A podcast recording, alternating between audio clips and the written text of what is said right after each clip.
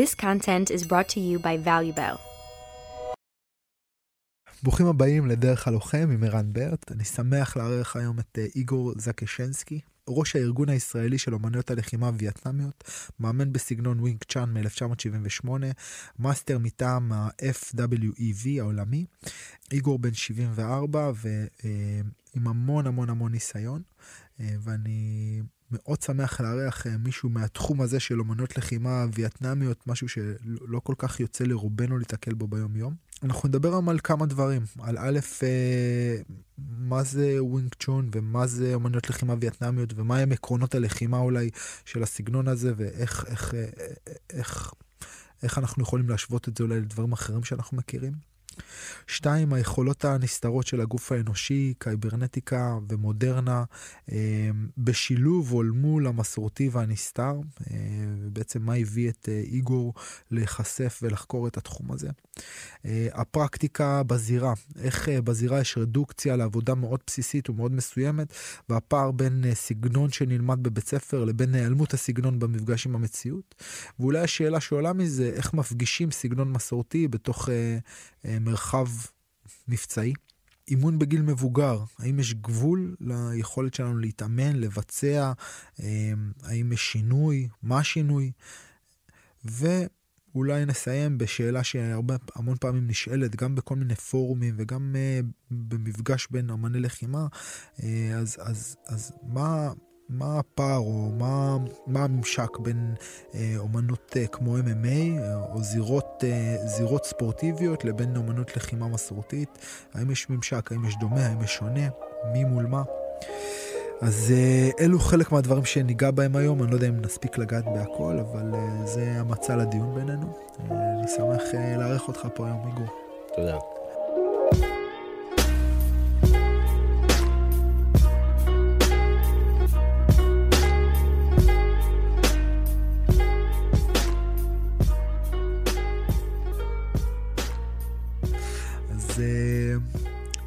בוא, בוא, בוא, אולי, בוא אולי תספר איך, איך נחשפת לא, לא, לאומנות הזו, איך, איך הגעת לזה, מה, מה, מה גרם לך להימשך? אז קודם כל, אני מגיל 12 הייתי בספורט מקצועי, הרבה תחרויות, ב...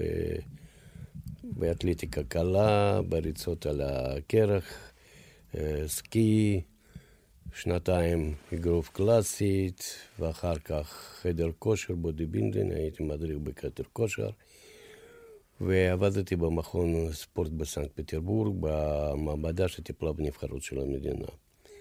ושם הכרתי דוקטורנט אה, וייטנאמי, וחבר'ה שלי ביקשו לשאול אם הוא מכיר משהו בתחום קראטה, כי זה בדיוק התחיל להתפתח בברית המועצות. על איזה שנים אנחנו מדברים? אנחנו מדברים על השנים 77, שנים כאלה שיש אנשים שלא מכירים בהם בכלל. יש אנשים כמוני ו... שלא נולדו אז. כן, ואז אה, הבן אדם הזה, זו דוגמה טובה, למרות שהוא היה בווייט קונג, למרות שהוא למד, הוא אמר, אני לא ב-level שאני יכול ללמד, אבל עכשיו הגיע מאסטר.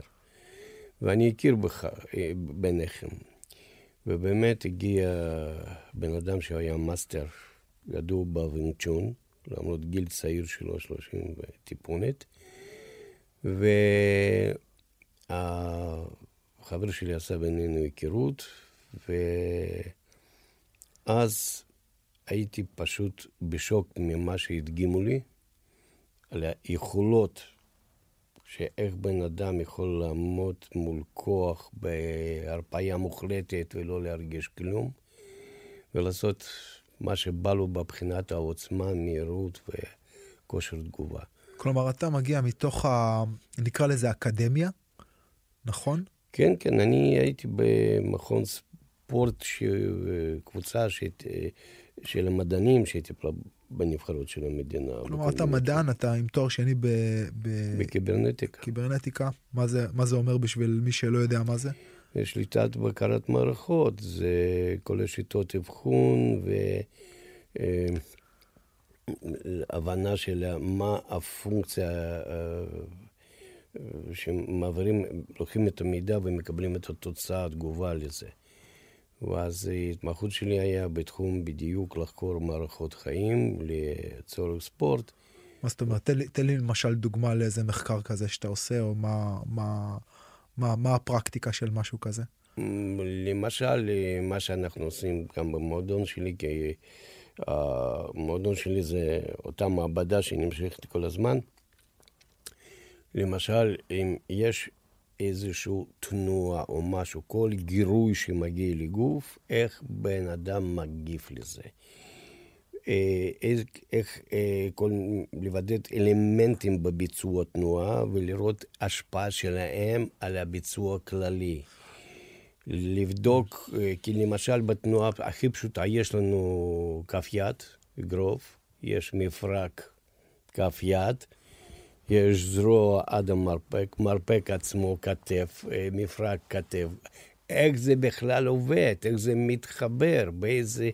תזמון, באיזה שילוב, איזה, איזה פרמטרים בעצם משפיעים. כן, ואיך, ולבחור את זה, לוודא את זה, לעשות ניתוח דברים, ואחר כך לחבר, להרכיב אותם לתוך התנועה הכוללת, שזה ייתן מקסימום הספק. זה הדברים, למשל. אז איזה מחקר אתה עושה בזמנו? למשל, תן לי דוגמה למחקר כזה שעשית. אה, או למשהו שאתה מעורב בו. אז ש... כן, אז שנות ה-70. מעניין אותי ככה. ה-70. חלון לשנות ה-70 הסובייטים. אז התחלנו... אני מדמיין את רוקי, רוקי 4 כזה, רוקי נגד... לא, uh. עשיתי מחקר שהוא היה... נועד להבין מה הקצב עבודה ב, בחדר כושר, בכל העבודה עם המשקולות.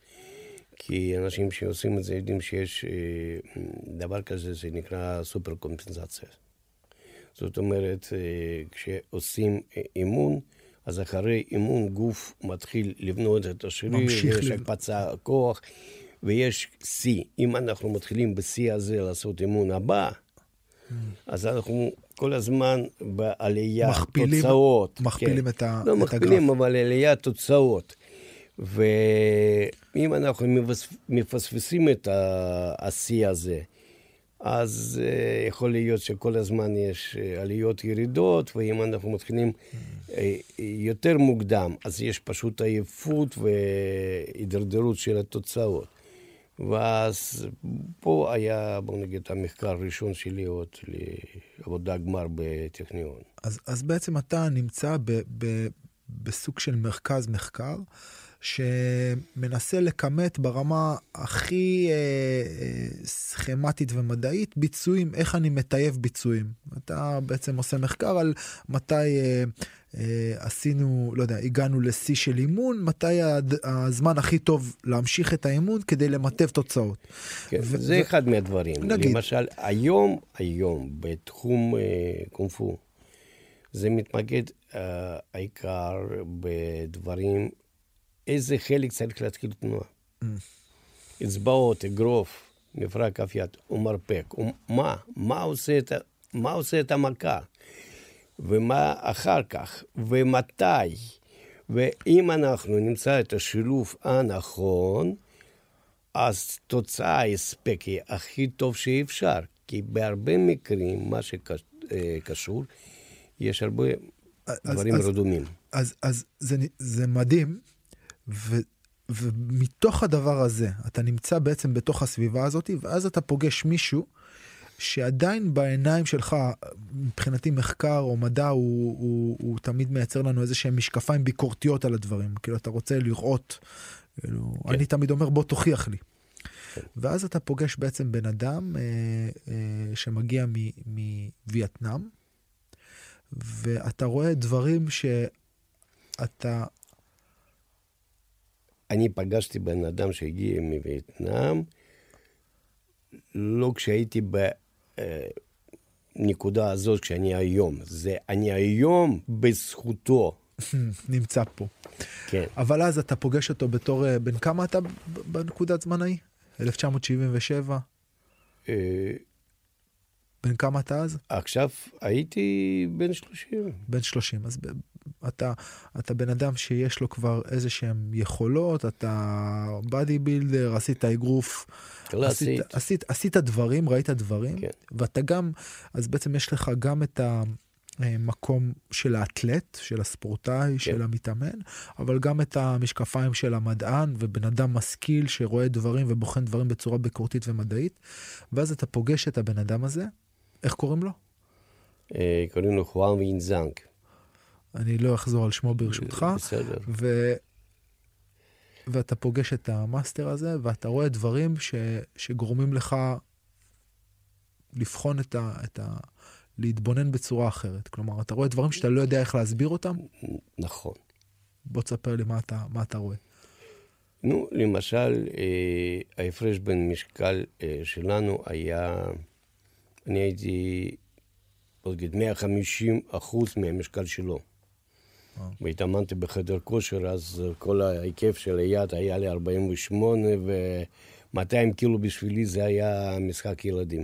כלומר, אתה בחור הי- בשיאך, פיזי, הייתי בבחינה הפיזית אה, ספורטאי, די ספורטאי. חזק, ו...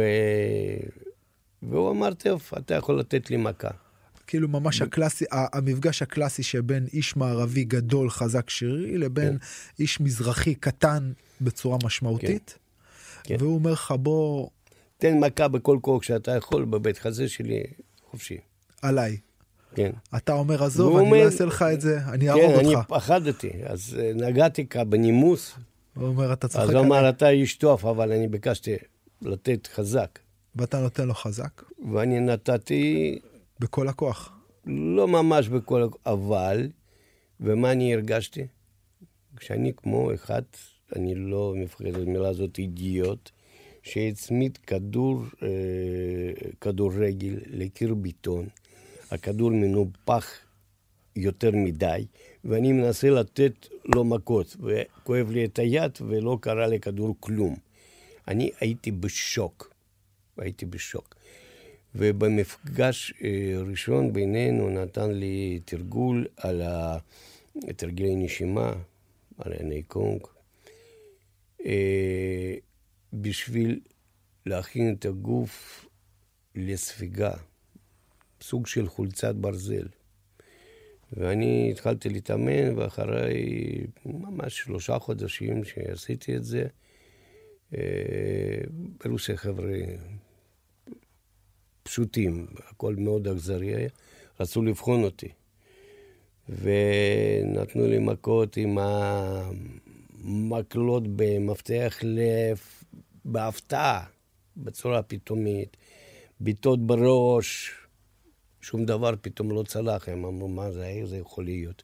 ואני הייתי רק שלושה, משהו חודשים מתרגל את הדברים האלה. כלומר, אחרי המפגש הראשוני ביניכם, הוא נותן לך איזשהו סוג של תרגול. של, של התרגול שאני אתחיל לעשות אותו, לעשות. אתה עושה את התרגול הזה, ואחרי שלושה חודשים אתה נהם- זה, כן, זה אחרת לגמרי. מובל לאיזשהו מקרה בוחן, ואתה פתאום מרגיש שאתה, איך שהיית ואיך שאתה עכשיו, בזכות התרגול הזה בנרטיב שלך, וארץ. שונה.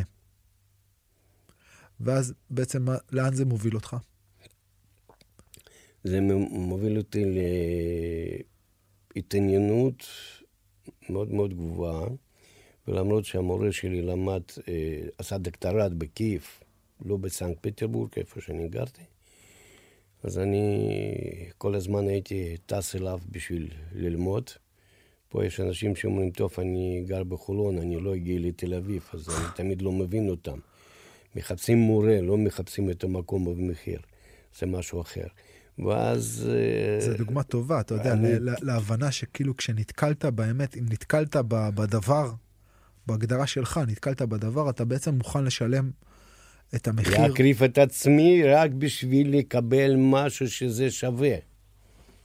זה נקודת העניין. ובן אדם הזה, כשהוא הגיע לקייב, הוא הפך להיות ישר אגדה מרשל ארץ בכל הברית המועצות, והיו באים אליו אלופים ב- של ברית המועצות בקראטה, היו פשוט בשוק ממה שהוא הוא עשה, ו... זה נוצרה מאוד אה, חברה מאוד כזאת אה, מעניינת וברמה סביבו, והיה לי מזל להיות חלק ממנה. איך הוא כאישיות? איך הוא כבן אדם? בתור בן אדם, אה, זה דוגמה אישי לכל החיים שלי. זה בן אדם היה מאוד מאוד קונקרטי ומאוד מאוד צנוע. דוגמה על הצניעות שלו, פעם, אה, אחד מהפעמים שהגעתי אליו, ולא הספקתי לקחת בית מלון, הוא הזמין אותי להישאר בחדר שלו במעונות. והיה עוד תלמיד אחד שלו, שבא גם מעיר אחרת. ובחדר היו שתי מיטות. ואז אנחנו התחלנו להתחרות מי ישן על הרצפה. אז הוא אמר, לא, לא, ברצפה ישן אני. מה המורה, איך זה יכול להיות, זה לא מכובד. הוא אמר דבר מאוד פשוט. הרצפה שם זה היה שש כזה. הוא לקח סדין דק, וזהו, הוא אמר, אני יכול לישון על זה, ואתם לא. Mm. זה נורא נורא פשוט, לא כבוד מדומה. כשאנחנו לפעמים אה, אה, פוגשים מורים שכל העניין שלהם, כל השאיפה שלהם, שהם מעל התלמידים שלהם. ואני למדתי שזה לא ככה, לא אמור להיות דבר כזה. צריך להיות חיבור אחר לגמרי. בן אדם צריך, בעיניי, הוא מורה בגלל שהוא לא יכול פשוט להחזיק הכל בבטן, הוא צריך לחלק עם מישהו, הוא לא יכול להתאפק, לא בשביל לשלוט על מישהו אחר ולהשפיע על מישהו אחר, וכאילו הוא גדול מאחרים.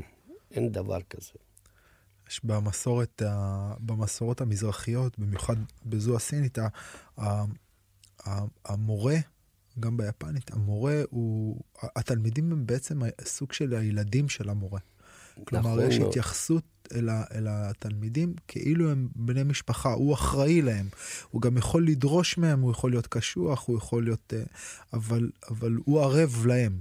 נכון מאוד, והם אומרים בצורה כזאת, אפילו בווייטנאם, ממה שאני מכיר, שיש שתי אבות. אבא אחד, הוא גרם לי שילד נולד, והמורה זה אבא שני, שני שהוא נותן דרך לילד הזה בחיים שלו.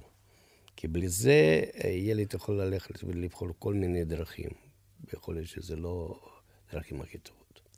אז בעצם מתחיל התרגול שלך עם המורה, ואתה אומר שהוא עובר לקייב, אתה בסנט פטרסבורג, ואז... כל הזמן טסתי. ואז אתה טס אליו כמה, פעם בשבוע, פעם, ב, פעם בשבועיים? פעם בשבוע פעם... זה היה קצת יקר, פעם, אבל... פעם בשבועיים, פעם, פעם בשלושה, פעם, פעם בחודש. פעם בשלושה שבועות, פעם בחודש. ואז אתה מגיע אליו לכמה זמן?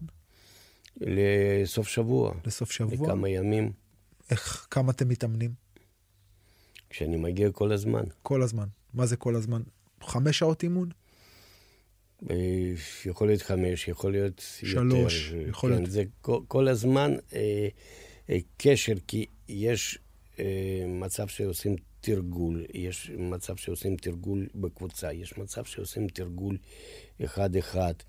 יש שיחות שמקדמות אותך ונותנות לך קצת הבנות ודברים כאלה. זה הכל מלא, ויש המון דברים שאז דיברנו אז, ורק היום אני מתחיל להבין על מה דיברנו. בעצם גם רק להיות בנוכחות שלו זה סוג של אימון, אימון בשבילך. ודאי.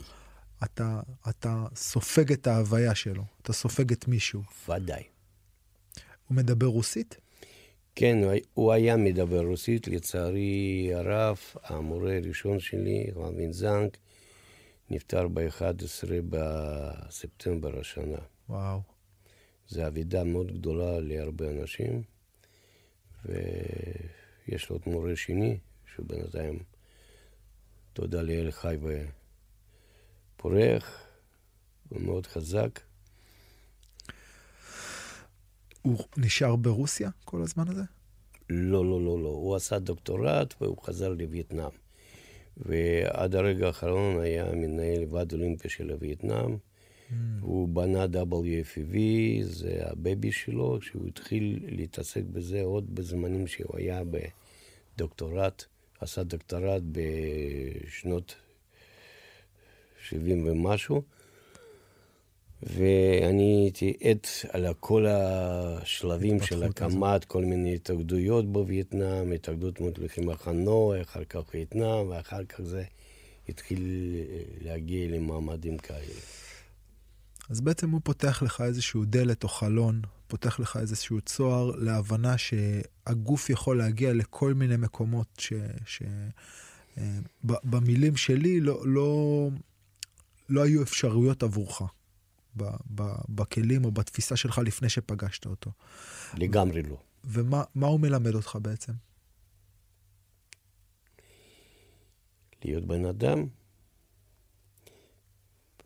קודם כל, טכניקות של הסגנון וגישה של לראות לא רק דברים חיצוניים. מאוד מאוד מעניין בסגנון וינג'אן, שהנגישות ליכולות מוסתרות של הגוף האנושי, הם מפוזרים מטכניקה לטכניקה, לנקודה לנקודה, אבל עוד פעם, לא בכל המרחב ביצועים. בהתחלה זה מרחב נורא מצומצם, ולתפוס את זה, ואחר כך להביא את זה למרחב ביצוע שצריך להיות בו, נגיד, באותה פורמה. ואחר כך להעביר את זה לתוך המגע, לתוך הקרב. זה, זה סיפור, וצריך להיות מאוד מאוד צנוע ולא לרוץ להיות אלוף, צריך להיות מאוד ממוקד. פה יש משמעות מה זה מדיטציה, מה הצורך בזה, מה אנחנו מחפשים, כל ה-GPS, איך אנחנו יכולים לקבל קריטריון, מה צריך ואיך צריך לעשות. כי הרבה אז... דברים שאנחנו עושים זה בהרפאיה. אז כאילו במילים שלי עוד פעם, הוא בעצם מראה לך איך בתוך הטכניקות יש כמו אה, רמזים או מדרגות אה, קנייה או רכישה של מיומנויות שהן מיומנויות לפעמים נסתרות לגבי הגוף האנושי ומה הגוף יכול לעשות. ואז דרך העבודה הזאת שלפעמים היא בפורמה, לפעמים בקאטות, לפעמים בתרגילים, אתה רוכש את המיומנויות האלה, נכון, ואז יודע נכון. להכיל אותם לתוך עצמך, ואז גם יודע לבצע אותם בכל מיני מצבים שהם יותר ויותר ריאליים. ודאי, למשל, דוגמה נורא נורא פשוטה על ה... אחד מהתבטאויות של היכולת מוסתרת. בדרך כלל כשאנחנו נותנים אגרופים ומחזקים את האגרוף כמה שאפשר, ויש כל מיני טריקים, וטכניקות של האגרוף באבנצ'ון, אם אנחנו עושים את זה במסגרת אחרת, אני בורח ממילה נכונה או לא נכונה, אחרת, מה קורה? שתוך כדי תנועה האגרוף מתחיל להתנפח. ונוצר פשוט מצב שאיזשהו כרית לחץ סביב המפרקים, ואפשר עם האגרוף, ואני עשיתי את זה הרבה, שבירות אה, אבנים, בוא נגיד, אבן ירושלמי חמש סנטים, אה, פלטה תלויה באוויר, נשברת, אה, מכות בקיר ביטון. לא קרה למפרקים כלום פשוט. כי הכל מתנפח בצורות כאלה שהיד לא מרגיש מגע. כשאתה אומר מתנפח, אתה מתכוון ברמה הפיזית או, או, ברמה עבודה, פיזית, או, או עבודה תודעתית? לא, פיזית. תודעה וגוף, זה הכל קשור. אם אני מקדים עם המחשבות, כאילו, כל התנועה יש אה, מחשבות קדומות, הפעלה קדומה של הגוף, שעל הבסיס הרגלים קודמים, ואז אני סגור לרכישת אה, חדש ותיקון, בשביל מה אני הגעתי למרשול ארט, בשביל לתקן, בשביל לבחון. אז בגלל זה אני צריך לצפות, לצפות. לקבל, להפנים כמה שיותר מידע, לא לסנן אותה, ויכול להיות לא היום, יכול להיות עוד חודש, עוד שנה, אני אבין מה קרה. וזה תהליכים מאוד מאוד עדינים.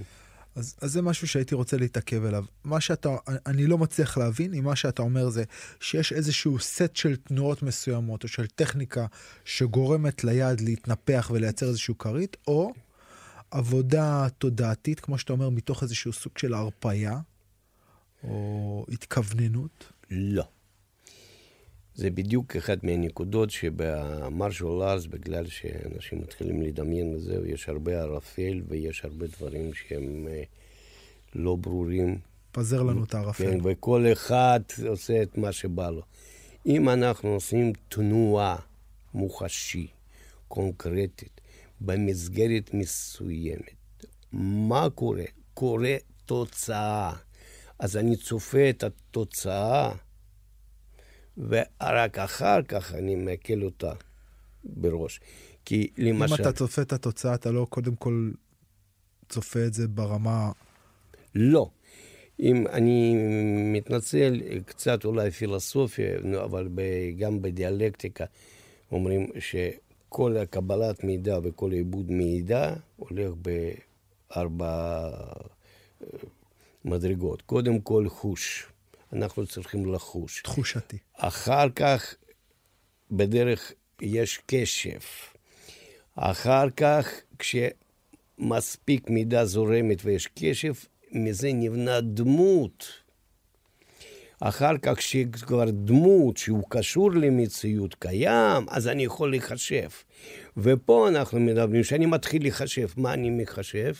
מה שקשור למציאות, או מה שאני חושב שקשור למציאות. אז, אז, אני, אז אני חוזר על הדברים שאתה אומר, יש בזה המון, המון היגיון, עוד פעם, גם במסורות שהן שונות מהמסורת הסינית או לחימתית. אז אתה אומר, קודם כל יש חוש, נכון? כן. המידע מגיע דרך החושים. כן. אני צריך שיהיה לי איזשהו קשב. כן. כדי שהדבר הזה בעצם יעבור איזשהו סוג של עיבוד. נכון? ודאי. זאת הרמה השלישית. שזה כניסה מידע הלאה. כניסה, בדיוק. המידע עובר מהרמה החושית, אם יש מספיק קשב. כלומר, לפעמים יכול להיות גירוי, שהגירוי הזה הוא כל כך קטן שאני לא מייצר קשב אליו, ואז המידע לא עובר הלאה. כן. עבר איזה סף מסוים, המידע עובר הלאה, אני מאבד אותו. במעבד שלי, ואחרי שייצרתי איזשהו עיבוד, אני יכול לייצר איזושהי תמונה ש... לוקחת לא, אותי... קודם תמונה שהיא מתואמת עם המציאות, כן, שהיא קוהרנטית עם המציאות. כלומר, אם אני מקבל עכשיו, אה, אה, אני לא יודע, מידע ויזואלי של צבע אפור וחדק, אז אני יכול, המידע הזה הוא מספיק... אה, רועש מבחינתי, כדי שאני אוכל להגיד, אני משווה אותו למה שאני כבר יודע. אפור וחדק, זה כנראה שזה פיל. אני יכול לצפות שיש שם פיל. ויכול להיות שאתה, רגע, רגע, רגע, תן לי עוד להסתכל, תן לי עוד להסתכל, עוד לא קיבלתי מידע מספיק, אני עוד לא בטוח. ואז ייתכן שזה לא פיל, זה עכבר כן. ממש גדול. זה משהו כן. וזנב של העכבר. כן, זנב של העכבר ולא פיל. יש כל מיני, את כל, ה, את כל המבחנים האלה, כן. ויזואליים של משהו שנראה כמו משהו, אבל כן. אם אתה משקיע בו עוד טיפה מחשבה, פתאום יוצא... בעיה שמחשבה, לפעמים היא כבר... היא, היא כבר... סוגרת קשב. היא מייצרת מציאות. וודאי, שהיא מפעילה את הגוף בכיוונים ספציפיים שבכלל יכול להיות לא מתואם עם המציאות קיימת. Mm. בבקשה, מהתחום של מרשול ארץ. אנשים עושים סדרה אחת, סדרה שתיים, סדרה... שלוש של תנועות. יוצאים לזירה, מחפשים לעשות את... את מה שהם עשו מה במחוז. שהם עשו. והמצב לא מתאים לזה, למרות שהמצב קונקרטי הוא פותח ים של הזדמנויות. אבל הם מחכים, ואפילו באליפויות עולם, אנשים יוצאים לזירה בכל מיני סוגים של היאבקות, חמש דקות הם בשטיח ולא עשו כלום, עבודה פסיבית. והם מאסטרים ברמה בינלאומי. למה? כי הם תכננו משהו ושום דבר לא הולך לפי התכנון שלהם. אוקיי? ובהרבה מקרים אנחנו שומעים שהמאמן צועק, מספר שלוש, מספר שלוש. מה זה מספר שלוש? אז זאת אומרת, דברים הם תבניות בנויות, ובן אדם לא זורם עם המציאות. ובדיוק החלק מזה מה שאנחנו עושים בסגנון שלנו, להתחבר למציאות, להוריד את הסטיגמות, לא לגלגל אה, פרופיל ריבוי, כל הטכניקות הן נועדות בשביל מכל גוש לעשות איזשהו כדור שמתגלגל איך שלפי הצורך. זאת הנקודת העניין. ויש טכניקות כאלה, יש שיטות אימון כאלה ויש יכולת כזאת. בעיניי זה הרבה יותר מעניין. Mm. אז, אז עירבנו עכשיו שני דברים, אני עוד פעם מנסה לעשות uh, סדר. בעצם מה שאתה אומר זה שלפי המודל הזה של תחושה, uh, קשב, עיבוד, כן. מנטליזציה של הדבר הזה, ייצור של איזושהי תמונה.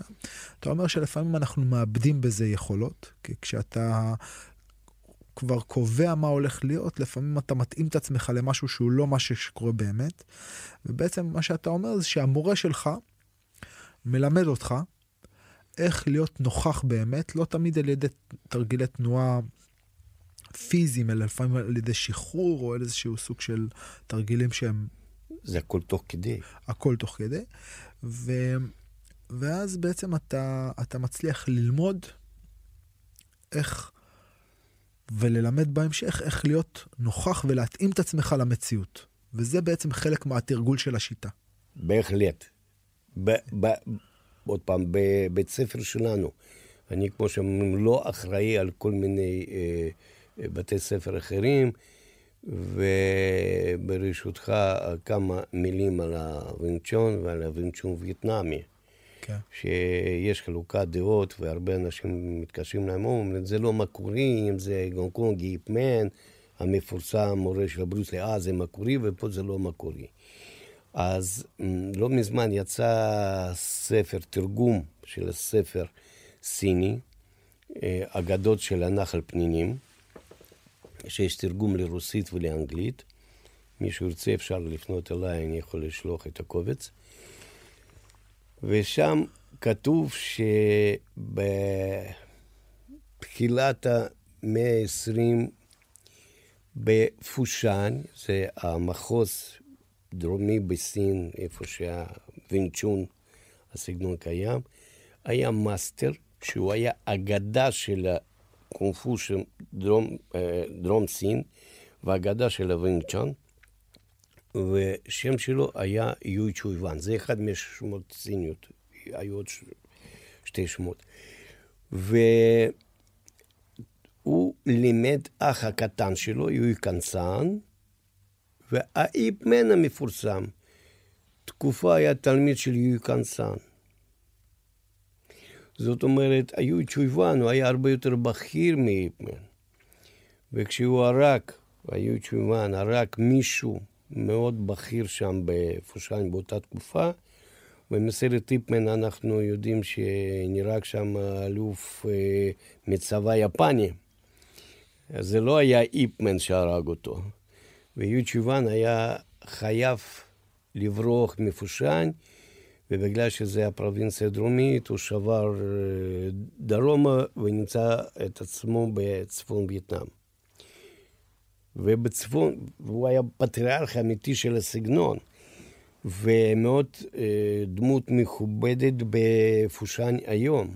במועדונים המרכזיים הכי חזקים, שם יש את התמונה שלו, שזה הוא בראש הפירמידה.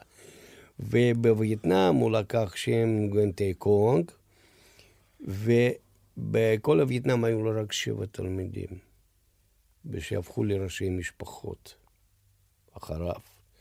ולמזלי, המורה הראשון של אה, אה, חואן וינזנק, הוא היה תלמיד של תלמיד שני שלו, והמורה השני שלי, להקים טחן, הוא תלמיד ראשון של תלמיד ראשון של יוצ'יבן. זאת אומרת, אנחנו נמצאים... אה, יש איזה משהו ב, במסורות הסיניות שכאילו מאוד מאוד מתייחסות ל... נכון? ל... ל... ודאי, כי כל דור יש לו נטייה להכניס טעויות. Mm. וכמה פחות דורות, פחות טעויות. כאילו הידע הראשוני, הידע הראשון, המורה הראשון, הוא הכי נקי, הוא הכי טהור, הוא כן, הכי... כן, יחסית אצלנו. Mm. ומטרה שלנו... אתה יודע, זה כאילו, זה כאילו באיזושהי רמה הולך נגד ההיגיון שהקדמה בעצם מייצרת... אה, בוא, בוא נחשוב על מדע, בסדר? לא, המדע של היום הוא בהכרח יותר טוב מהמדע שהיה בשנות ה-70 או ה-50. אתה מסכים עם האמירה הזאת? ודאי. אז למה המדע של הלחימה הוא מתלכלך? למה הוא לא יותר טוב מהמדע ההוא? למה המדע שלך לא יותר טוב מהמדע של וואטאבר, uh, uh, המורה הבכיר של ליפמן? יופי, אז uh, בוא נגיד ככה. אצלי למשל במועדון יש תעודה של המורה שלי. הוא נתן לי העתק תעודה שלי, שלו, וזה, שיהיה פה על הקיר, שכולם ידעו שאתה באמת תלמיד רשמי שלי. עכשיו, ליפמן למשל היו הרבה תלמידים. הוא עושה פופולריזציה של הסגנון, מה שיוטיובן לא עשה. ועכשיו מה קורה? יש בקבוצה 20-30 איש. לא כל אחד בטופ, אבל כולם כאילו תלמידים של. מה ההבדל? שלכל אחד יש את השאיבות שלו והבנות שלו, וטעויות שלו. עכשיו הוא לוקח תלמידים, הוא מתחיל לטפל בהם על בסיס גם טעויות שלו. זה מורכב בין מה שאמור להיות ומה שהוא מבין מזה. וכמה שיותר ויותר יותר אנשים, צורך במדריכים הוא גדול, אז עושים אותם כמו סוגבניות, מהר, מהר, מהר, מהר, ואין רמה מספיקה בשביל באמת להעביר את החומר בצורה מקובלת לתלמידים באיזושהי שושלת. ויש דבר שהוא מאוד מאוד מדאיג, ולי אישית הוא מאוד מאוד מפריע. שיש הרבה אנשים שאומרים, בוא, אני עכשיו בניתי סטייל, אני לקחתי דברים הכי טובים מסגנון הזה, מסגנון הזה, מסגנון הזה. שאלה, מי אתה בכלל? לעשות שינויים בסגנון זה זכות של הפטריארך. אתה בכלל בדרך לשם או לא? אז למה אתה עושה... אני בניתי סטייל, ובדרך כלל יש הרבה אנשים שאני פגשתי, לצערי בחיים, אני לא אומר שזו הכללה כזאת, שבגלל שהם לא הבינו סגנון בצורה מספיקה, הם מתחילים להוסיף דברים בשביל להשלים משהו שהם לא הבינו. לא, לא השכילו לעשות את כל הדרך שהמורה תכנן. אם הם היו נשארים בדרך, הם היו מבינים דברים ולא היו צריכים להוסיף. יכול להיות שהיו נתקעים באיזשהו שלב, נתקעים. אבל פה בן אדם צריך להבין דבר בעיניי. כששואלים אותי מי אתה ומה, אני אומר, אני שייך לסגנון. שייך, הסגנון לא שייך לי. Mm. אני שייך לסגנון, אני קטן. הסגנון הוא גדול. הדבר החשוב, להבין מה יש שם. כמו שמורה שלי, לקם תחן, בהרבה מקרים במפגשים שלנו, פותח אה, אינטרנט ואומר, תשמע, תראה, תראה, תראה מה קורה. מה קורה? אתה רואה איך הם עובדים, איך הם עושים וינצ'אן. כנראה הם לא מבינים מספיק, mm. אם הם עושים בצורה כזאת. Mm. והרבה אה, אנשים שכאילו הם מקובלים, אבל יש לו זכות להגיד את זה, וזה קרה לא פעם ולא פעמיים. אני יכול להקשות עליך? בבקשה. כל הכבוד. מתי אתה התחלת ללמד? הניסיונות הראשונות שלי עוד היו ש...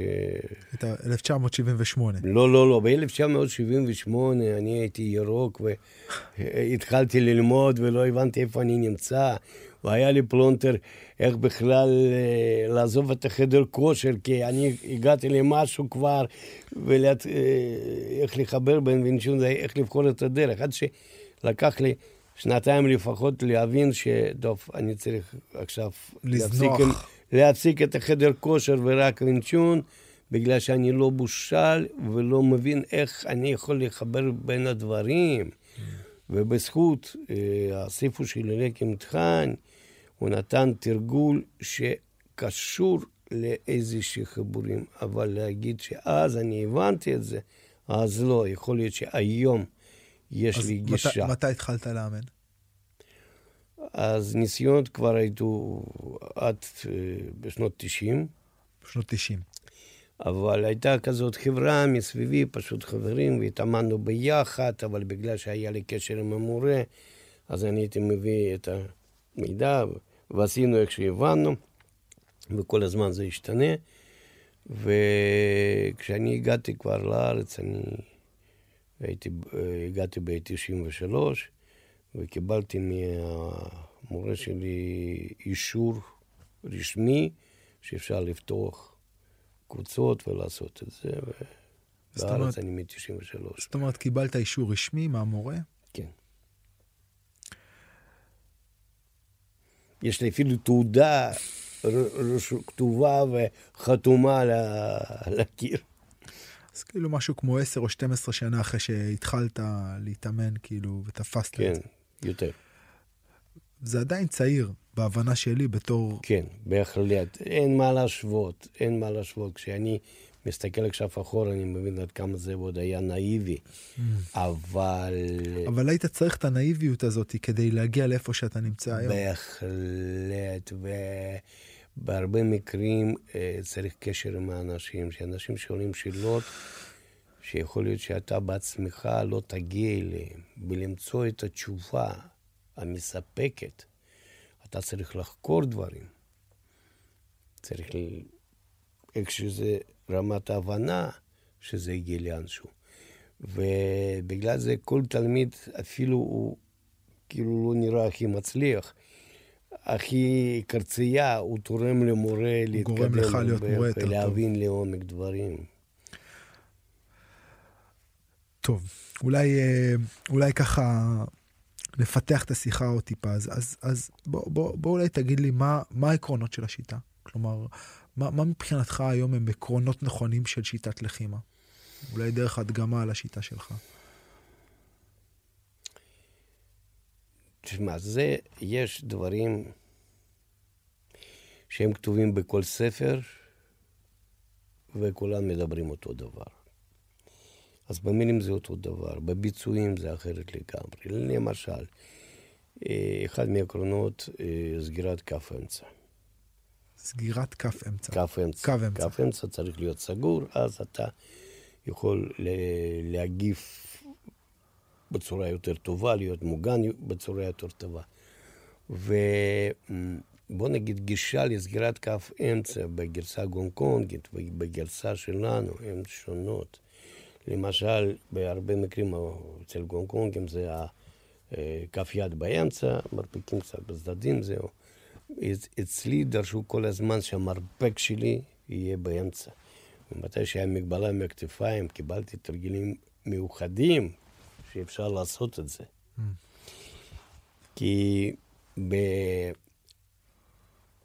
בכף אמצע יש משמעות לא רק שאני יותר, יותר נגישות להגנות וקונטר-התקפות. אוקיי, okay, אז עיקרון אחד, סגירת קו אמצע, שמשל כן, ושם זה גם אפשרות לקבל מידע, מידע טקטלית על מה שקורה במגע עם התוקף. Mm. וגם אם עובדים עם קו אמצע כמו שצריך, זה מחזק המידע ומאפשר לנו לגייס עוצמה תוך כדי ביצוע. אוקיי, אוקיי, אז, אז בעצם, אז, אז בעצם מה שאתה אומר זה אחד, סגירת קו אמצע, שזה אומר בעצם היכולת שלך לחשוב על הגוף שלך כמחולק לשתיים דרך קו האמצע שעובר דרך אה, אף, סנטר, אה, לא, חזה. הוא לא מחולק, הוא יחידה אחת. כן, אבל, אבל אם אתה מתייחס לקו אמצע, אז בוא נחלק את הגוף לשני חלקים, והקו שמפריד... לא, אנחנו סוגרים את הקו אמצע ומתחברים לקו אמצע. אני, מז... אבל... אני, כן, אני מנסה להסביר למי שלא רואה את כן, התנועות, כן. מה זה אומר קו אמצע. כן. אוקיי? ואז בוא נדמיין את הגוף שלנו כמחולק באמצע על ידי קו אמצע. כן? כן? ואז בעצם איך אני סוגר את הקו הזה על ידי הידיים שלי? ידיים, אה, מצב רגליים, okay. אה, כל המידות. בערך, איך, בעצם איך אני סוגר את האמצע של הגוף שלי מתוך הבנה שזה אולי נקודת התורפה והעיקרון של איך אני סוגר אותו נותן לי בנפיטים או או, או יתרונות מסוימים. א', אני נהיה פחות פגיע, שתיים, אתה מדבר על איך מצב הידיים שלי מצליח לאסוף מידע תחושתי מתוך המפגש עם היריב שלי. כן. ושלוש, איך המצב הזה, איך המצב הגופני שלי יכול לייצר לי יותר כוח או יותר עוצמה. כן. יותר מהירות, יותר נגישות, יותר ריאקטיביות כן. אולי. כן. אוקיי, וגם אז... אה, אם אנחנו עושים אה, הגנה של כף אמצע, שימוש בכף אמצע בצורה מקובלת, אז אה, זה מחבר בין תנועות, בין תנועות ידיים, זאת אומרת, יש גירוי, יש התקפה, אז אני ישר, הידיים הולכות לכיוון, כן? ואיך זה מחבר, גורם להחלפת המידה, אוקיי? לביטות, שאני יכול לייצר את הביטה תוך כדי, בהתאם, זה כאילו אני עושה הכל עם הידיים, אבל יוצאות ביטות והמידה מתחלפת והכל קורה תוך כדי. אחד מהבעיות אה, בוונצ'ון, במה שאנחנו רואים ביוטיוב, אה, גם אצל סינים, גם אצל אירופאים, גם אצל כולם, לרוב החבר'ה, שמתי שהם מתחילים לעשות טכניקות אה, לחימתיות, למשל, יש לנו את המניקן, בודן דמי. הבובת עץ. בובת העץ. ו... גם בגרסה שלנו, בובת העץ היא שונה מהגרסה גונקונגי, היא הרבה יותר כבדה והרבה יותר גדולה. כי למשל במועדון שלי זה בובה שוקלת 170 קילו, ובבית שלי מווייטנאם הביאו לי במיוחד בשבילי זה 300 קילו. וזה לא סתם משקל, בגלל שהם מתחילים, אם עובדים נכון, יש הקפצת עוצמה בצורה כזאת שבובה הזאת מתחילה לזוז. אתה רוקד איתה. ומאוד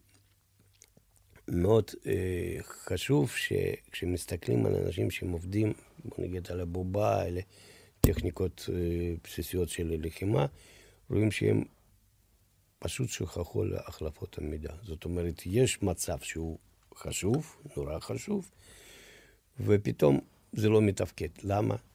כי אין מערכת שלמה וביצוע החלפות המידע, זה לא הולך בטכניקה כזאת שהיא ממש יעילה ואפשר להתחבר, כי אז ידיים הולכות יותר מדי מהר וזה נושר. אני, אני עוצר כי זה נראה לי שזה נהיה אה, דיון שהוא מאוד תיאורטי, קש, לי קשה לראות את כן, הדברים כן, כן, האלה כן. קורים. אז עקרונות לחימה בתוך השיטה, שמבחינתך מבדילות אותה אולי, או בעצם זה הייחוד, כן. זה שמירת קו, קו אמצע? מרחק מגע קצר. מרחק מגע קצר, אוקיי. זאת כלומר, אומרת, אין... אם אני עובד עם מישהו שהוא ב, אה, עובד במרחק ארוך בינוני, אז יש לו כל הזמן שאיפה ללכת קדימה. אתה רוצה לייצר מגע כדי עוד פעם לייצר, לקחת מידע ממנו ולהיות מאוד ריאקטיבי ותגובתי אליו. כל הטכניקות של הוונקצ'אן מיועדות לטווח מגע. זאת אומרת, כשמתאגרף מסתכל על הרפרי מתי הוא ישרוק, הוא יפריד חבר'ה בקלינץ'. שם אתה חי. שם זה המקום. זה, זה המקום. דג במים, זה מה שצריך להיות. וכל הטכניקות וטכניקות של ידיים דביקות, sticking hand, צ'י סאו, זה הכל שם. אז, אז אם אני חוזר שנייה חזרה אחד אחורה למשהו שעלה קצת בשיחה, וזה שבעצם הרבה פעמים הסטייל, הסגנון של בית הספר, הסגנון המסורתי, לא, לא מצליח לבוא לידי ביטוי בתוך אה, מר, המרחב הלחימתי, נכון? וזה משהו שאתה אמרת שאתה רואה הרבה פעמים.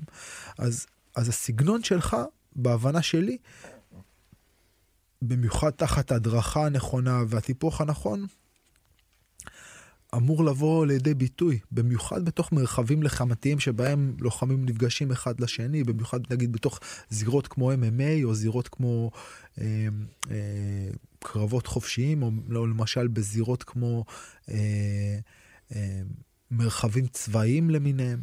אה, מרחבים צבאיים זה יותר נכון. למה ו... ב-MMA זה פחות נכון? אה, טוב, MMA זה ספורט. מדברים של אין חוקים, אבל יש חוקים. יש כפפות, יש פה ויש שם, יש מגבלות מסוימות. אה, צריך להבין שלפחות 70 אחוז או יותר של הטכניקה וינג צ'אן זה פגיעה בשרירים, במפרקים, שבירות. זה, זה לא ספורטיבי ב, בכלל ב, ביסוד שלו. זה להיכנס למגע ותוך כדי מגע ראשונה פשוט לגרום נזק כזה שהוא בלתי הפיך. אה, באותו MMA, okay, אוקיי? באותו מתגרפים. גוף, פנים, גוף, זה מטרה. בשבילי זה לא. אם יד של הבן אדם בטווח מגע, אני עכשיו מתחיל לתקוף את השרירים שלו. ואם אני עושה את זה נכון, היד שלו כבר לא מתפקדת. זה נגמר סיפור, הוא בלי כלים. זה נשמע לי כאילו כמו מקום לעשות בו המון כסף בהכשרה של לוחמי MMA מקצועיים. אתה רוצה להגיד לי שהיום אה, לוחם MMA בטופ מרוויח אה, מיליון דולר ל- ל- לקרב. שני מיליון דולר, עשרה מיליון דולר. אני לא חושב שיש לו בעיה אתית, ואני לא חושב גם שיש ליריב בעיה אתית עם להגיד, אוקיי, בוא תשתק לי את השריר אם אתה יכול. למה לא לעשות את זה? אני צריך יד פתוחה. אני צריך יד פתוחה. זה אחרת. זה עבודה אחרת. אוקיי? אה, לא מזמן התקשר אליי בחור והציע לי מגינים. אמרתי, אני לא צריך, אבל מה, אתם לא עושים... אמרתי, כן, נו, אז מה? בשביל מה מגינים? נו, אתם... זה גונב מאיתנו רמת גירוי גבוהה, שאני יכול לבדוק האם אני פיתחתי את היכולות שלי מספיק, סגרתי את המרחב מבצעי או לא. כי יש מגן, הוא תופס את הכל, אני עכשיו בשריון. לא שרק, גם זה מגביל תנועות. אם עכשיו יש לי מגן גוף פה, ואני צריך להכניס מרפק פנימה, זה כבר מקשה לי. Mm. אוקיי? זה לא אמור להיות. וכל המגבלות האלה הם עושים קצת, משנים את הסטייל, ומי שלא מחפש דיוקים בשבילו זה טוב. אבל כשאנחנו עובדים, אז אני צריך אה, לפתח את החולצת ברזל, יד ברזל, שבן אדם פשוט לא מרגיש מגע. אני בהרבה מקרים אה, הדגמתי דברים שאני פשוט לא, מנסה להגן את עצמי, פשוט נותנים לי מכה full contact בגוף, לא קרה כלום. וכל העבודות שאני, אה, כל האימונים שאנחנו עושים, שיש אה, עבודות בזוגות, אז מגע בצורה מבוקרת, אבל כל הזמן בנטייה לחזק ויותר מהירות, אבל שהכל זה יהיה בשליטה, שבונים התגובות הנכונות, בלי לכלוך, הכל נקי כמו שזה צריך להיות, שמאפשר לנו להתקדם. אם בן אדם לא יכול, ואין לו ספיגה, אז למה הוא הולך לעשות קרבות? מה הוא מחפש שם? אוקיי.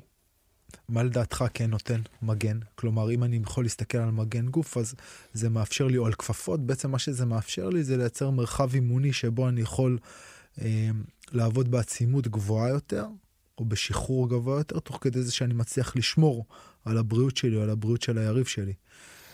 לשם הצורך, אתם, כשאתה עובד בלי כפפות, אתה באמת מצליח לגעת בפנים של התלמידים, או התלמידים מצליחים לגעת בפנים אחד של השני? אה, בוא נגיד ככה, אה, אני מסתכל בצורה כזאת, שנגיעה בפנים, כמו שבבדיחה אומרים, זה יותר משפיל ממה שכואב. Mm. אז אנחנו צריכים לתת כבוד אחד לשני, אבל זה לא מבטל את הצורך לעשות תרגול לצורך שיש ספיגה.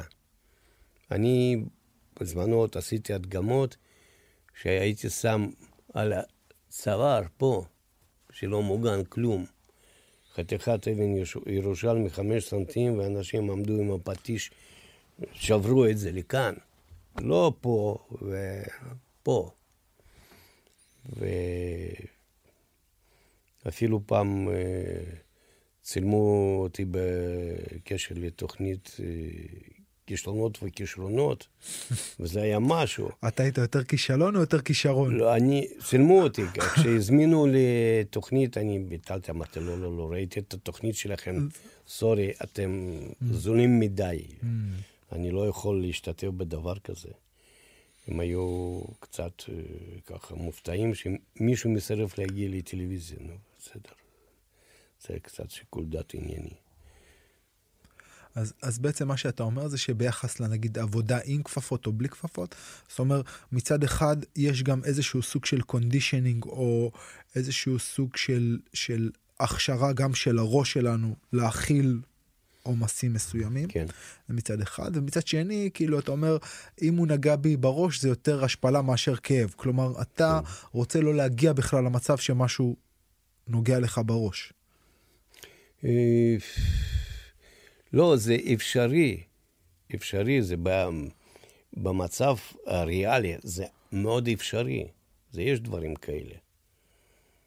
למשל, לי אישית, כשהייתי, עוד לא הייתי עוד בארץ, היה לי מקרה שתוך כדי מגע, קרב כזה, אימון, פספסתי מגע שאגרוף בא לתוך האף, לקצה אף, ופשוט היה קנק והאף נשבר.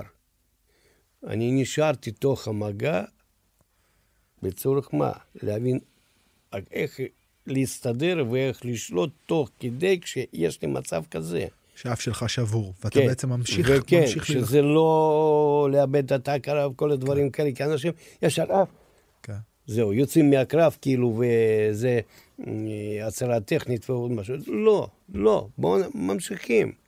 ואחרי שדברים כבר הסתדרו בתוך הנושא, אז הלכתי וסידרתי, מה לעשות.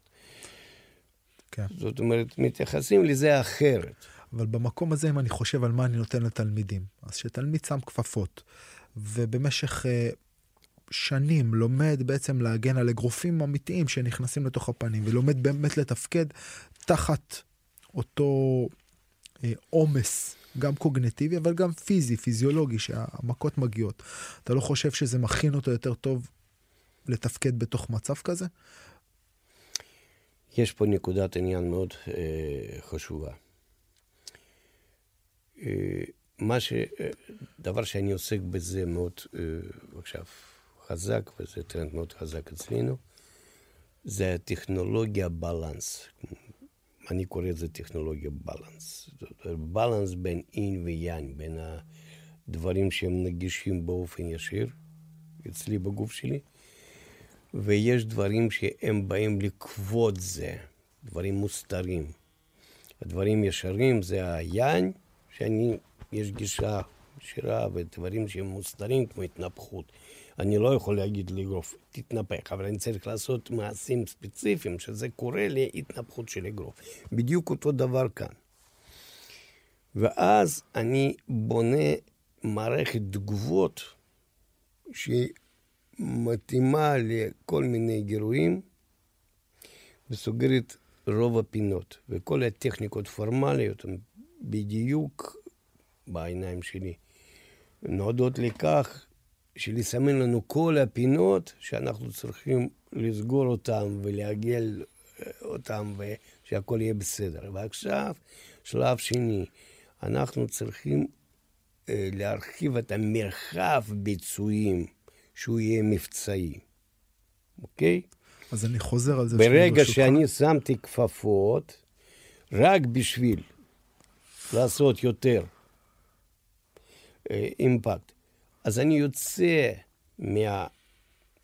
מהבלנס הזה, ואז בתוך המערכת תגובות יש לי תגובות הגנתיות אחרות, שברוב המקרים קשורות עם המתח שרירי, שזאת עצר, עצרת התנועה אה, וחיתוך מידע שמגיע, וכושר תגובה קצת יורד, ופה, בוא נגיד, מה שאני הייתי עושה. אז עוד פעם, מגע בבקשה, אבל קודם מגע. בגוף. שהיא בונה את התגובה כמו שצריך להיות. אחר כך מדד מה העוצמה שלא מפעילה את המנגנון אה, הגנה, הגנה לא מתואם עם המציאות, אוקיי? זה stand by הזה. ואז באותו רגע אני יכול לקחת גם מגינים ולעשות שפשוף במגינים קצת, אוקיי? אבל בשביל לקחת את. כל המערכת, כל הידע, וקצת לגרום לה אה, לבנות מרחב ביצועים יותר גדול. שברגע שאנחנו פשוט מתחילים, כל זה נסגר. אנחנו משתמשים עם אמצעים אחרים לגמרי. ואמצעים אחרים לגמרי הם אה, מלאים בשאריות של הרגלים קודמים, שיכול להיות שהיה ילד נפל בגיל שלוש וזה נשאר לו ככה, ועוד משהו, ואנחנו צריכים לנקות את זה. כי מה קורה ב-MMA? זה כמו, כמו כל ספורט. עכשיו בשכונה עשינו קרבות, זה ניצח, לקחנו. עכשיו בעיר עשינו קרבות, זה ניצח, וזה הולך. אבל מה קורה לבן אדם? כל בן אדם. הוא מגיע והוא רוצה להיות לא פחות טוב מזה שניצח, אבל עכשיו הוא צריך תשובה קונקרטית. מה אני אמור לעשות שלא להיות במצב שלי ולהיות במצב שלו. הוא לא צריך להיות זה שהשיטה פגעה בו בול. הוא צריך זה שאנחנו נבנה לו שיטה, ניתן לו, נזהה את כל הבעיות שלו. אבל מה שאתה אומר שלו. עכשיו זה, זה, זה שני דברים.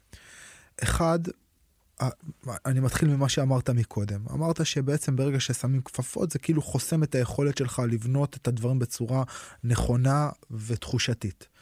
אה, מה שאני חווה הרבה פעמים מאנשים שמגיעים למרחב של לחימה ואומרים אוקיי עכשיו מותר אה, בוא נעשה כזה פייט ואפשר לגעת בפנים חופשי ואז אה, או אפילו חבר'ה שנתקעים בתוך סיטואציות ברחוב. אני, אני חווה אצל החבר'ה ש...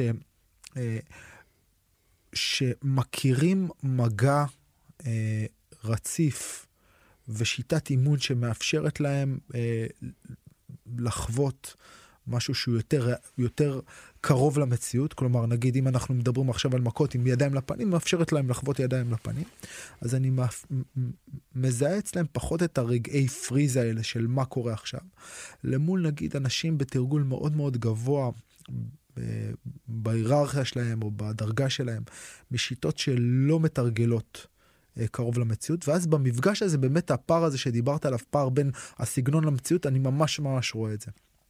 זה אחד.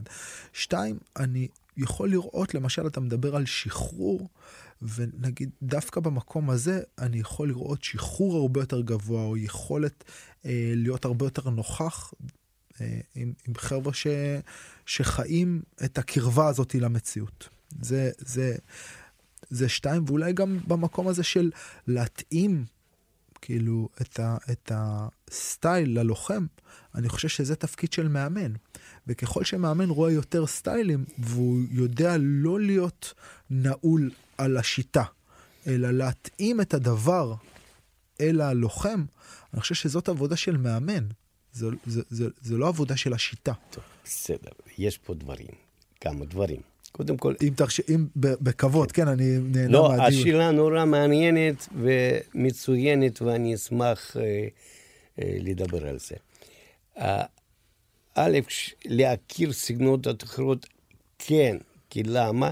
זה נותן לנו מרחב שימוש בשיטה שלנו. שזה לא מצומצם רק במסגרת איך אנחנו עובדים אחד עם השני, ופתאום צריך להחליף אה, כיוונים, עבודה וכל מיני דברים האלה, ואנחנו לא רגילים לעש, לעשות את זה, ואז הכדור הוא לא כדור, יש לו פינות, עוד לא הגענו את זה מספיק. Mm. למשל, וינצ'ון עובד בעמידה, הוא לא עובד על הקרקע. אבל מה? יש לו טכניקות איך לא להגיע לקרקע, ואם מישהו קופץ לך לרגליים, מה לעשות? ואני, בשמחתי ככה, ראיתי שאחד מהקרבות ש... ב-MMA, שבחור אחד קופץ לרגליים של השני, השני והשני פשוט מרים את הברך ונוקעות mm. במקום. זה בדיוק הווינג צ'ון. זה בדיוק הווינג צ'ון. וכשקופצים לך לרגליים, אתה יכול פשוט לגעת על הראש עם היד, והמרחק ברגליים שלך גדול, ואז פה מכה, נגמר סיפור. אוקיי? אם זה אנחנו אומרים על הרחוב. זה דבר אחד. דבר שני, אה, הדוגמה למה שאמרת עוד קודם, שהתחיל להיות קראטאות בברית המועצות, אז אני צפיתי מקרים שהמאסטר באגרוף מגיע לקבוצת קראטה והוא מתחיל לחטוף שם מכות. כי למה? הוא, הכל מה שעם הידיים, הכל טוב ויפה, כשהם מתחילים להרים רגליים, זה הכל נגמר. אבל כאן אנחנו צריכים להבין, זה התרגול שאנחנו עושים, אבל אנחנו צריכים לדעת שלא לבנות את הרגל במרחב מסוים ומצומצם. Mm. אז הרגל שליטה, איפה שמקבלים מידע ושמגיבים, הוא גם על הראש וגם על הרגליים, והכל משולב. אז התופעה הזאת היא לא קורית אז. שמישהו בעצם... כותב בראש או לא, כי זה הרגל שנותנים רק פה. כי למשל, למשל מה שקורה, שאם אתה עובד עם האנשים מהקושינקאי, כן? ופתאום אגרוף בפנים, מה, מה אתה עושה? כי הם לא מוכנים את זה, הם לא צופים שיש את האפשרות הזאת.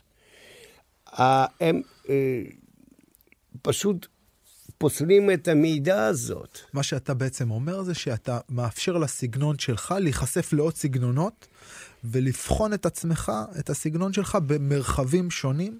ודאי, להתאים למרחבים שונים. וגם פה יש טכניקה איך אני עושה פיזור של ה... אה, אה, שאני מקבל מידע מאיפה ואיך, ואפילו אם אני לא נותן, לא מקבל בפנים, אז אני בכל זאת זמין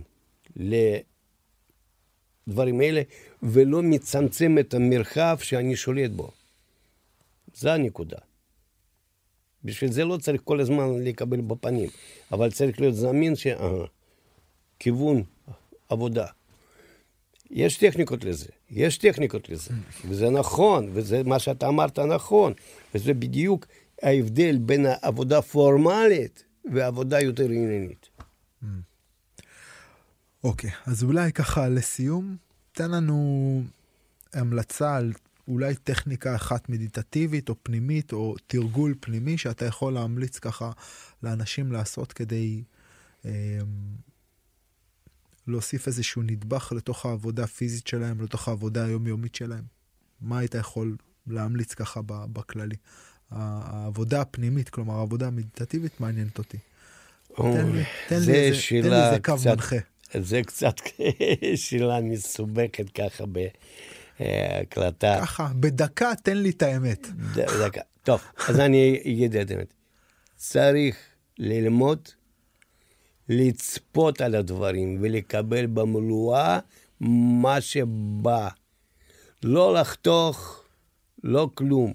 ומדיטציה זה בדיוק להתמודד על הנטיות שלנו, על הרצונות שלנו, על השאיפות שלנו, והמידע שאנחנו מקבלים מסביבה זה לא תמיד מה שאנחנו רוצים לקבל, אבל צריך לקבל אותה וצריך ללכת לזה ולראות תמונה כללית. בגלל זה לא סתם יפנים הולכים לצפות את פריחת הסאקורה. זה דבר שהוא נורא בדם של האומה, ובמזרח זה מאוד מאוד מקובל. אנשים עושים צבייה, לא חשיבה, פשוט בצורה פס... פסיבית לחלוטין, בלי לחשוב. בלי לבנות דמויות, פשוט לראות, לראות את מה שיש, ושהמידע הזה, היא הגיעה למצב שהיא בונה את התמונה בראש, ולא משהו אחר. Mm. וזה השלב מאוד מאוד חשוב. להתבונן, ו... לייצר התבוננות כן, ונוכחות. ואז זה מתחיל להפעיל את הגוף שלנו. וזה נקודה החיבור למציאות, שזה נורא נורא חשוב, ובעיניי זה גם מעניין. יש סיפור אחד מעניין אה, במחב חרטה, איפה שהמורה מלמד אה, נסיכים לראות מחץ וקשת. והוא אומר, תסתכלו מה קורה, והם עומדים על הקרחת של היער, והוא תלה על איזשהו עץ בצד שני של הקרחת, דמות של הציפור, הוא אומר, תסתכלו, ואז חבר'ה התחילו להסתכל, מה אתם רואים? אני, אני רואה גם uh, את הקרחת יער, גם אותך, גם אחים, גם עץ, גם ציפור. תוריד את הקשת, אתה uh, לא תפגע בזה. עד שהגיע הזמן שהגיע איזשהו... לוחם אגדי ארג'נונה, לקח, מתחיל לכוון הגשט ומתחיל להסתכל, ופתאום הוא אומר, מה אתה רואה עכשיו? אני רואה את החלק של קרחת יער, עץ, ענף וציפור. ואז הוא המשיך, הוא תמשיך, תמשיך, תמשיך. ואז עד הרגע שהוא ראה רק את הראש של הציפור וצוואר שלו. שום דבר אחר הוא לא ראה. ותשחרר את החץ. הוא שחרר החץ וחתך ראש לציפור. זאת אומרת, כשאנחנו מקבלים את המידע, זה דבר נורא נורא חשוב שהוא פשוט גורם לכוון, להפעיל את המערכת תגובות שלנו. אנחנו פשוט נכנסים לאיזשהו צינור, כאילו, שיש קירות מורגשות שאנחנו לא יכולים לסטות מזה, זה פשוט עובד, זה פשוט מוביל אותנו, בלי שאנחנו חושבים. אנחנו בונים דברים במידה תודעתית, אבל בסופו של דבר אני, הם נמצאים בתת-מודע, ואז במצב ריאלי אנחנו לא חושבים, זה הכל הולך בריאל טיים. כאילו אתה uh, פתחת את הארון uh, ששם הכל מבורדק והדברים נופלים שהם קרובים אליך, פשוט נופלים עליך, וזה מה שצריך לקרות. וזה הכל התהליך של לבנות את המצב הזה. וזה החלק החשוב, לראות דברים, למחוק את עצמי. אוס. היה כיף, כיף להקשיב לך, וכיף להיפגש איתך, כיף אה, לחוות את הלהט שלך ואת החיבור שלך לדבר שאתה עושה ולאומנות שלך, ורואים את החיבור שבין האומנות ובינך. ואיך אתה זה האומנות שלך, והאומנות שלך זה אתה. היה כיף לראות את החיבור שלך למורה שלך, ולראות כמה החיבור הזה היה משמעותי והגדיר את החיים שלך ועדיין מגדיר.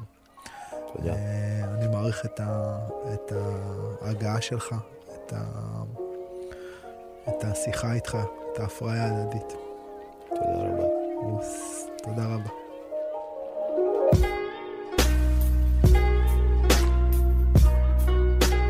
חברים, תודה רבה שהקשבתם לנו עד כאן. אתם מוזמנים לעקוב אחרי הערוץ, להצטרף לקהילה בפייסבוק, שם אנחנו מעלים קטעים מתוך הפרקים, וגם כל מיני דברים אה, אה, מעניינים שאני נתקל בהם, או ששולחים לי. אם אגב אתם אה, נתקלים בקטע מעניין שנראה לכם אה, רלוונטי או אקטואלי לקהילה, אז אתם ממש מושל... מוזמנים לשלוח לי ואני אשתדל לשתף. תודה לכולם, נשתמע בשבוע הבא.